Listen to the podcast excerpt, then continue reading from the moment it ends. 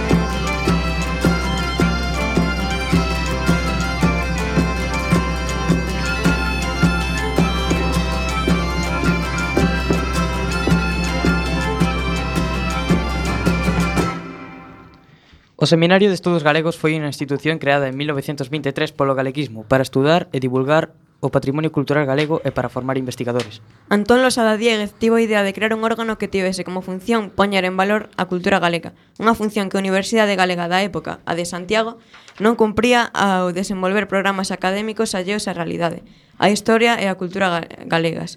Eh, fórmase, pois, na Casa de Losada Dieguez, en Pontevedra, a Xuntanza de Estudos e, investiga e Investigacións Históricas e Arqueolóxicas. Paralelamente, como conta Lois Tobío, en 1923, Wenceslao Requejo Buet propoña a un grupo de estudantes de primeiro de Dereito formar un grupo cos que se cos que se interesasen por problemas de cultura, arte, literatura e historia principalmente, algo así como unha tertulia ou ateneo. Nese grupo que primeiro collería a Filgueira, Ramón Martínez López, Manuel Magariños, Lois Tobío, estenderíase despois a estudantes maiores, Fermín Bouzabrei, Magar... e eh, Romero Cerdeiriña, e os profesores como Armando Cotarelo Valledor. De feito, foi Cotarelo quen lle deu o nome de Seminario de Estudos Galegos que foi como pasou a historia. Nunha xuntanza celebrada 12 de outubro de 1923 en Ortoño, Ames, na casa onde vivira Rosalía de Castro, onde participan estes nove estudantes recollendo a, a tradición da xuntanza de, ampli de ampliación de estudos acordando a creación do seminario. Aos poucos días, o 23 de outubro, intégranse nel boa parte da intelectualidade galeguista que se movía alrededor da revista Nos e asinan a acta fundacional no domicilio de Armando Cotarelo Valledor. Porén, Lois Tobío sinala que Losada Dieguez non se sumou ao seminario nese momento inicial, senón pouco despois, cando o Grupo Nos, Castelao, Antón Villar Ponte, Manuel Lugris Freire, Leandro Carré Alber Alvarellos ou Gonzalo Ló López Avente. Nos anos seguintes incorporaríase a maior parte da intelectualidade galeguista dende o arquiveiro de Concello de Santiago, Pablo Pérez Constanti, até o ar arcebispo Manuel Lago e González, pasando por Ramón María Ayer, Federico Macié Maciñeira ou Xesús Carro. En 1925, Cotarelo trasládase a Madrid e a presidencia pasa a Salvador Cabeza de León. Comezan tamén a recibir axudas económicas e en 1927 empezan a publicar os arquivos do Seminario de Estudos Galegos que editará Ángel Casal e que recompilará as publicacións da institución. Con anterioridade, os seus produtos editábanse a través da Real Academia Galega. O local do seminario estaba situado nos baixos do Colexio Maior San Clemente. O programa do seminario eh, fíxase os seguintes obxectivos. O estudo de todas as manifestacións da cultura galega eh, tendendo á formación dos investigadores e a divulgación do resultado dos traballos. O SEC estaba estruturado en 12 seccións e utilizaba como método de traballo os equipos interdisciplinarios, aínda que non todos os traballos feitos estiveran en galego. É certo que foi o SEC quen por primeira vez utilizou a lingua galega de xeito significativo para, para facer traballo científico. As 12 seccións e os presidentes da, das mesmas son as seguintes. Sección de, fi, de Filoloxía, coordinador Armando Cotarelo Valledor. Sección de Arte e Letras, coordinador Alfonso Daniel Rodríguez Castelao. Sección de Etnografía. Coordinador Vicente Risco. Sección de Historia, coordinador Cabeza de León, presidente do se Seminario de 1925 a 1934. Sección de Prehistoria, coordinador Florentino López Cuevillas. Sección de Xeografía, coordinador Otero Pedrallo. Sección de Historia da Arte, coordinador Xesús Carro. Sección de Historia da Literatura, coordinador Xosé Filgueira Valverde. Sección de Pedagogía, coordinador Díaz Rozas. Eh, sección de Ciencias Aplicadas, coordinador Manuel Gómez Román. Sección de Ciencias Naturais, coordinador Luis García. Eh, eh, sección de Ciencias Sociais, Xurídicas e Económicas, coordinador Lois Tobío. En 1936, o SEC, tras 13 anos de actividade, foi desmantelado polo novo réxime surgido, surgido do 18 de xullo En 1944, co patrimonio do Seminario de Estudos Galegos, creouse o Instituto de Estudos Galegos Padre Sarmiento, dependente do Centro Superior de Investigacións Científicas. Despois de coñecer unha importante institución que levou a cabo unha esencial labor nos poucos anos do século XX nos que lle permitiron existir. Imos escoitar a segunda peza musical, neste caso a canción A Brusa, do grupo Milladoiro.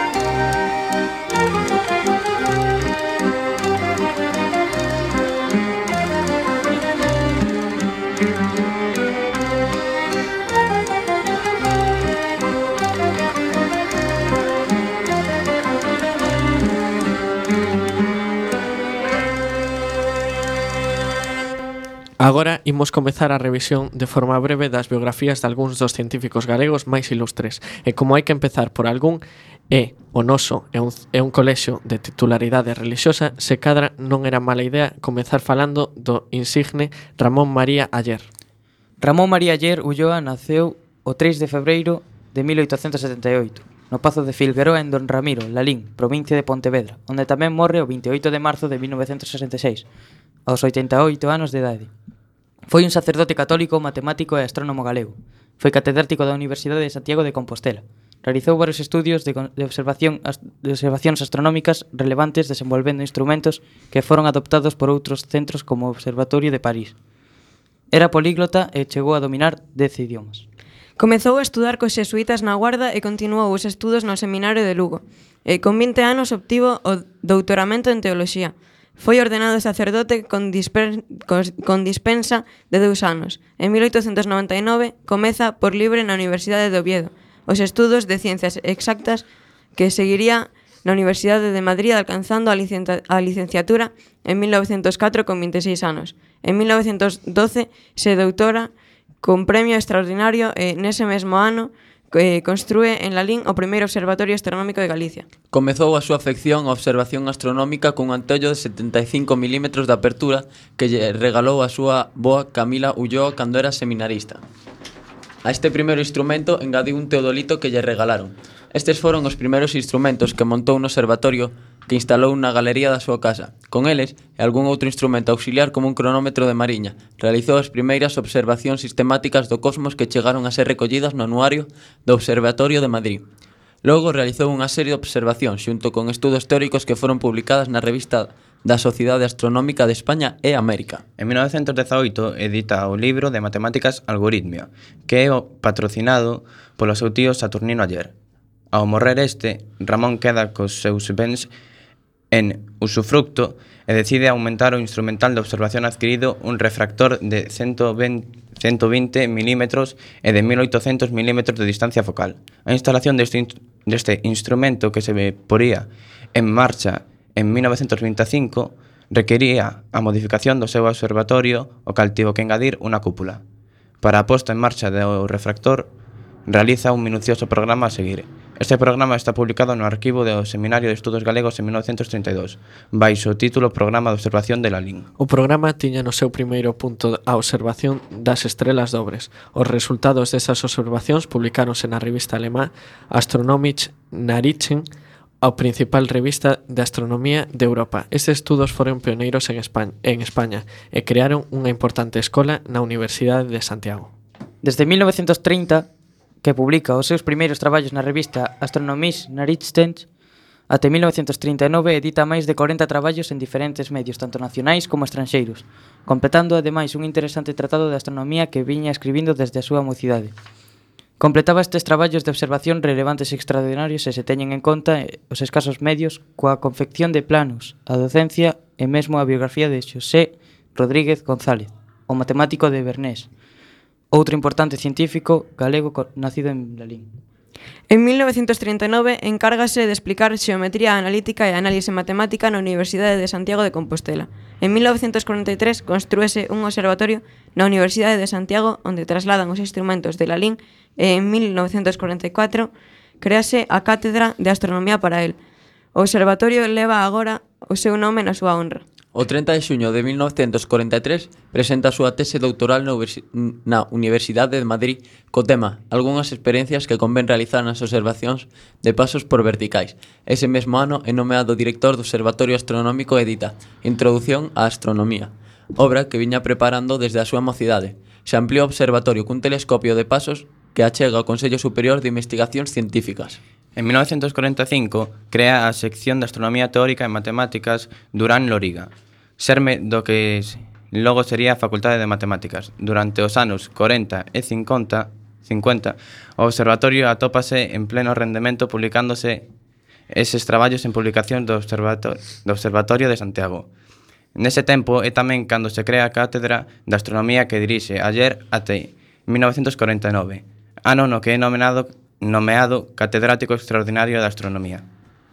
En 1948 é nomeado membro da Comisión 26 de Unión Astronómica Internacional de Zúrich e publica o libro Astronomía a primeira ollada.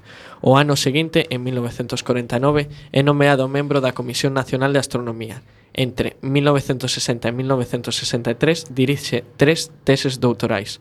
Cae enfermo en 1964 e trasládase ao seu pobo natal onde morre o 28 de marzo de 1966, os 88 anos de idade.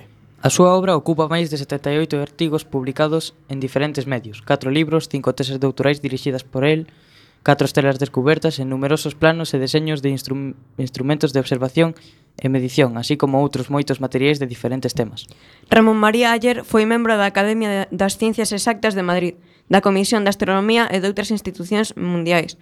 Inventou aparellos de medición e observación, algúns dos cales foron adaptados polo Conservatorio de Observatorio de París. Foi nomeado catedrático e director vitalicio do Observatorio de Santiago, coengo honorario e fillo adoptivo da cidade de Santiago de Compostela.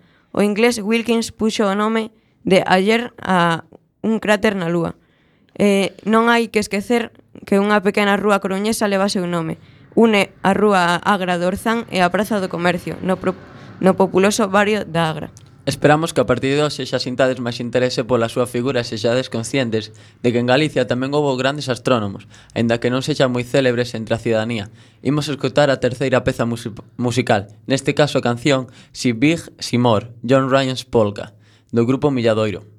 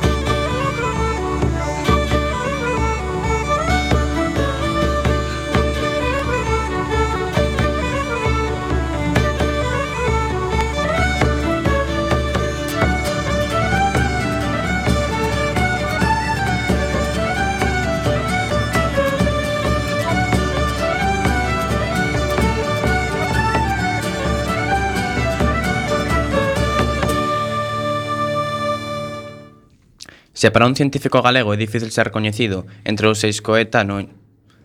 coetáneos e veciños, non digamos se lle unimos a condición de muller. Por exemplo, pode ser a, do matemática, a da matemática María Gonenburger. A primeira bolseira Fulbright de matemáticas española naceu en Montrobe, Oleiros, a Coruña en 1927. María Josefa Guono Bulger eh, Planets foi seleccionada polo goberno dos Estados Unidos en 1953 para facer a tese doctoral na Universidade de Yale e xunto a Nathan Jacobson, un dos alxebristas máis sobranceiros do século XX. Dende entón, a súa carreira transcorreu en Norteamérica só cun lapso de tres anos en España, onde, a pesar do seu talento, nada tiña asegurado. Wannenburger é experta nas álxebras de Clifford e na teoría dos grupos clásicos e as súas ideas foron empregadas para diversos autores. É tamén maestra de mestres. O seu primeiro doutorado foi o mati... doutorando foi o, mati... o matemático máis reputado de Canadá, Robert Moody, que a converteu na nai da teoría Cac Moody. No 83 regresou a Coruña ao enfermar a súa, a súa nai e retirouse oficialmente, pero nunca deixou as matemáticas. As matemáticas gustáronlle dende as primeiras contas que a súa, a súa nai lle pedía que resolvese en calquera compra, pero a súa familia culta e allea a moitos clichés da época quería que María Josefa Wonenburger fixese enxeñaría para continuar co negocio que creara o seu avó paterno, neto dun alsaciano que no século XIX chegaría a Santiago. O meu pai tiña unha fundición, aínda que estaba moi preparado, non puidera sacar o título porque quedara orfo con 16 anos, así que pensaba en min para continuar coa fábrica. Chegamos entón a un acordo. Primeiro estudaría matemáticas e despois enxenería. Conta María. A segunda parte nunca se cumpriu. Pouco despois de licenciarse, o seu pai morreu. E para daquela, xa decantaras, xa de, destacara como alumna na Facultade de Matemáticas da Universidade Central de Madrid ata onde se desplazara porque en Santiago aínda non, non existía a carreira. En Madrid, aquela rapaciña destacou de contado. Asistía ás clases en tomar apuntamentos e só os, os confeccionaba de volta na residencia de señoritas da rúa Fortuny, na que se hospedaba. Para facelo, empregaba a memoria e tamén algunhas anotacións dos compañeros, que de paso corrixía para agrado dos colegas, que cor corre cor recorrerían a ela para clarexar dúbidas. O talento de María fixo que os profesores lle aconsellase marchar ao estranxeiro para afondar nos seus estudos. A oportunidade chegou coa primeira convocatoria en España, das prestixiosas bolsas Fulbright, do Instituto de Educación Internacional dos Estudos dos Estados Unidos. En xullo de 1953 partiu de Gibraltar rumbo a América nun transatlántico xunto outros balseiros, bolseiros de toda Europa. Era unha das dúas españolas naquel barco e a única da rama de ciencias. María incorporouse á Universidade de Yale para facer o doutoramento xunto a Nathan Jacobson, un dos alxe alxebristas máis sobranceiros do século XX, autor de diversos descubrimentos eh, na teoría dos anéis e que deu o nome ao radical de Jacobson, ade ademais de facer importantes achegas nas álxebras de Lai e de Jordan. Axiña, axiña conxe, conxeniou eh, co seu mestre estableceu un, con el unha boa amizade. Eh, tamén era baixiño e a min iso de estar falando inglés mirando para arriba non me gustaba, así que as cousas marcharon moi ben. Eh, chance a María, que fai gala dun estupendo sentido de humor igual que fose de poñer grandes epítetos á súa carreira. Porén, a súa modestia non oculta unha brillante traxectoria como experta nas álxebras de Clifford e de Lie, en a teoría de grupos clásicos, con achegas no estudo de automorfismos deses grupos que foron empregadas por diversos autores, tanto no mesmo terreo como noutros diferentes aos que ela tratou. As súas primeiras achegas quedaron recollidas na súa tese, On the Groups of Similitudes and its Projective Group, que leu en 1957 na Universidade de Yale onde tamén traballa, traballou ese verán de balde na elaboración de solucións dunha ecuación tipo Coulomb, facendo cálculos nas antigas calculadoras de manivela. De regreso a, de regreso a España foi bolseira tres anos na, na Instituto Matemático Jorge Juan, do CSIC, facendo un novo doutoramento xa que o de Yale non lle fora validado. Os, eh, a súa segunda tese representación espinorial dos grupos de semellanza foi aprobada e publicada, pero por motivos administrativos nunca obtivo o título español de doutora, tanto deu.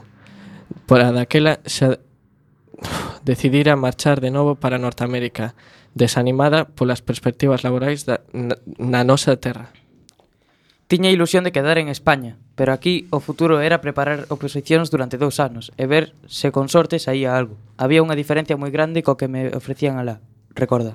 Entre mentres, Israel e Halperin, alumno do mítico von Neumann, contactara con Jacobson pedíndolle que lle recomendase alguén que pudese axudarlle coas investigacións sobre a álxebra do seu mestre. Jacobson pensou en Wonenburger e foi así como emprendeu camiño a Canadá.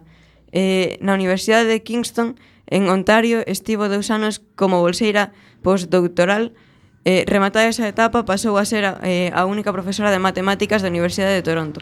Iso naquela época non era un punto ao seu favor, pero así e todo houve un alumno que se empoñeu en facer a tese con ela. Era Robert Moody, que xunto a María fixe unha generalización das teorías das álxebras de Lai simples a dimensión infinita. A súa repercusión foi tal que pasou a coñecerse como álxebra de Kac-Moody e otorgou a Wonenburger o recoñecemento da nai desta teoría moi aplicada na, na física. Sempre me levei moi ben cos alumnos. En América, a relación entre estudantes e profesores é moito máis próxima.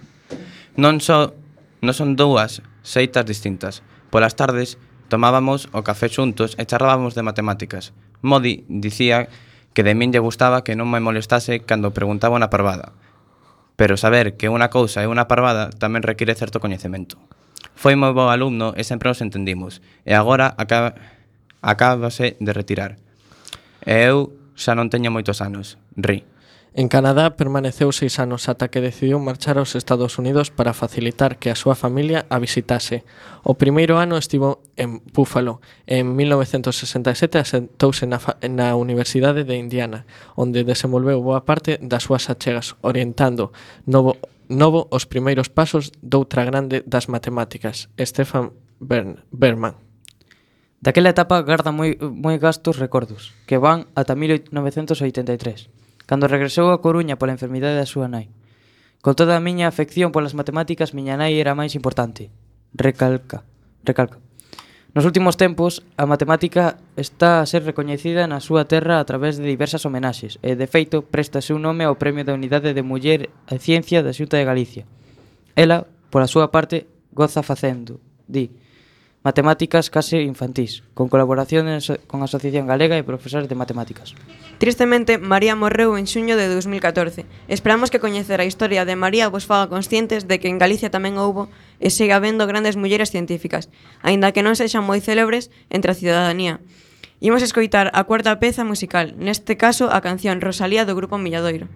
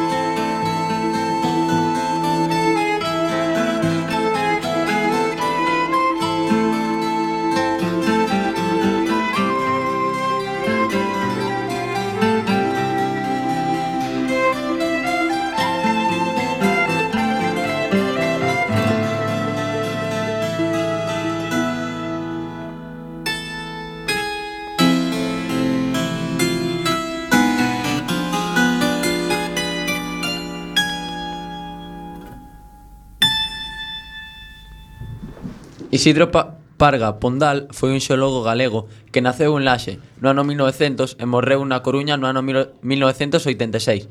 Por morte do pai, o titor foi o seu avó, Isidro Pondal Avente, irmán do poeta Eduardo Pondal, influindo na súa tempera vocación pola química. Estudou a carreira de Ciencias Químicas na Universidade de Madrid, obtendo a licenciatura en 1922. En 1923 obtivo unha praza de profesor auxiliar de Química Inorgánica e Analítica na Facultade de Ciencias da Universidade de Santiago de Compostela. Publicou os seus primeiros traballos sobre xeoquímica na revista do Seminario de Estudos Galegos, do que era membro desde 1924. Realizou estudos de doutoramento en Zurich, volvendo en 1933 a Santiago coa creación do Laboratorio de Xeoquímica da Universidade de Santiago. Comezou as súas investigacións sobre xeoloxía de Galicia e forma os primeiros xeoquímicos españois. En 1934 termina a súa tese doutoral obtendo a cualificación de sobresaliente cum laude na Universidade de Madrid. O comezo da Guerra Civil e como consecuencia das súas ideas e da súa amizade con galeguistas como Castelao, foi purgado do seu posto de profesor, retirándose a Laxe, onde creou unha empresa mineira para a explotación do caolín, Caolines de Laje S.A., e outra empresa mineira denominada Titania S.A., dedicada á explotación dunha mina de titanio en Balares, xunto cos lucenses irmáns Fernández López. Esta empresa estaba dirixida por un enxeñeiro alemán con economatos e salarios dignos para os traba traballadores, ademais de seguridade social e paga extra. Co diñeiro obtido destas e doutras empresas, Isidro Parda Pondal e os irmáns Fernández López trataron de fomentar de forma xenerosa a recuperación da cultura galega. En 1940 creou o moi importante Laboratorio Xeolóxico de Laxe, no que traballaría ata o seu retiro en 1969. Tras a morte da súa muller, eh, eh, o seu fillo abandona o laboratorio e cédello a Isaac Díaz Pardo, que o trasladou ao Castro Sa Colaborou coa Universidade de Leiden, Países Baixos, coas de Montpellier e Estrasburgo, Francia, Zurich, Suiza, Münster, Alemanha e Lisboa, Portugal. Nesta mesma época tamén traballou para a empresa Celtia, fundada polos irmáns Fernández López, ante a queixa dun dos irmáns Fernández López da, da escaseza de cemento e da falta de calcáreas en Galicia, Parga indicoulle que Lóucera, Samos, eh, era o lugar onde se atopaban estas eh, calcáreas. Este foi o comezo de Cementos do Noroeste S.A., creada en 1958, de cuxo Consello de Administración formou parte. A fábrica de cemento comezou a funcionar en 1962 en Oural, Sarria, actualmente pertencente á Corporación Noroeste. Recibeu dis diversas distincións. Premio de Ciencias da Deputación Provincial da Coruña, 1972. Premio de Investigación da Universidade de Santiago e da Universidade Menéndez e Pelayo, 1982. Medalla Castelao, doutoramento honoris causa pola Universidade de Santiago de Compostela, 1983.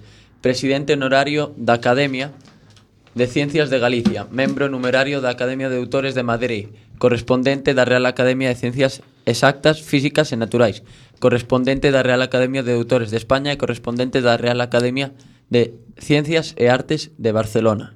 Entre outras publicacións dispersas destacan Mapa Xeolóxico de Galicia 1963, realizado despois os correspondentes provinciais, Mapa Xeolóxico da Península Ibérica 1970, fixo ademais dúas cartografías do macizo espérico peninsular 1962 e 1972.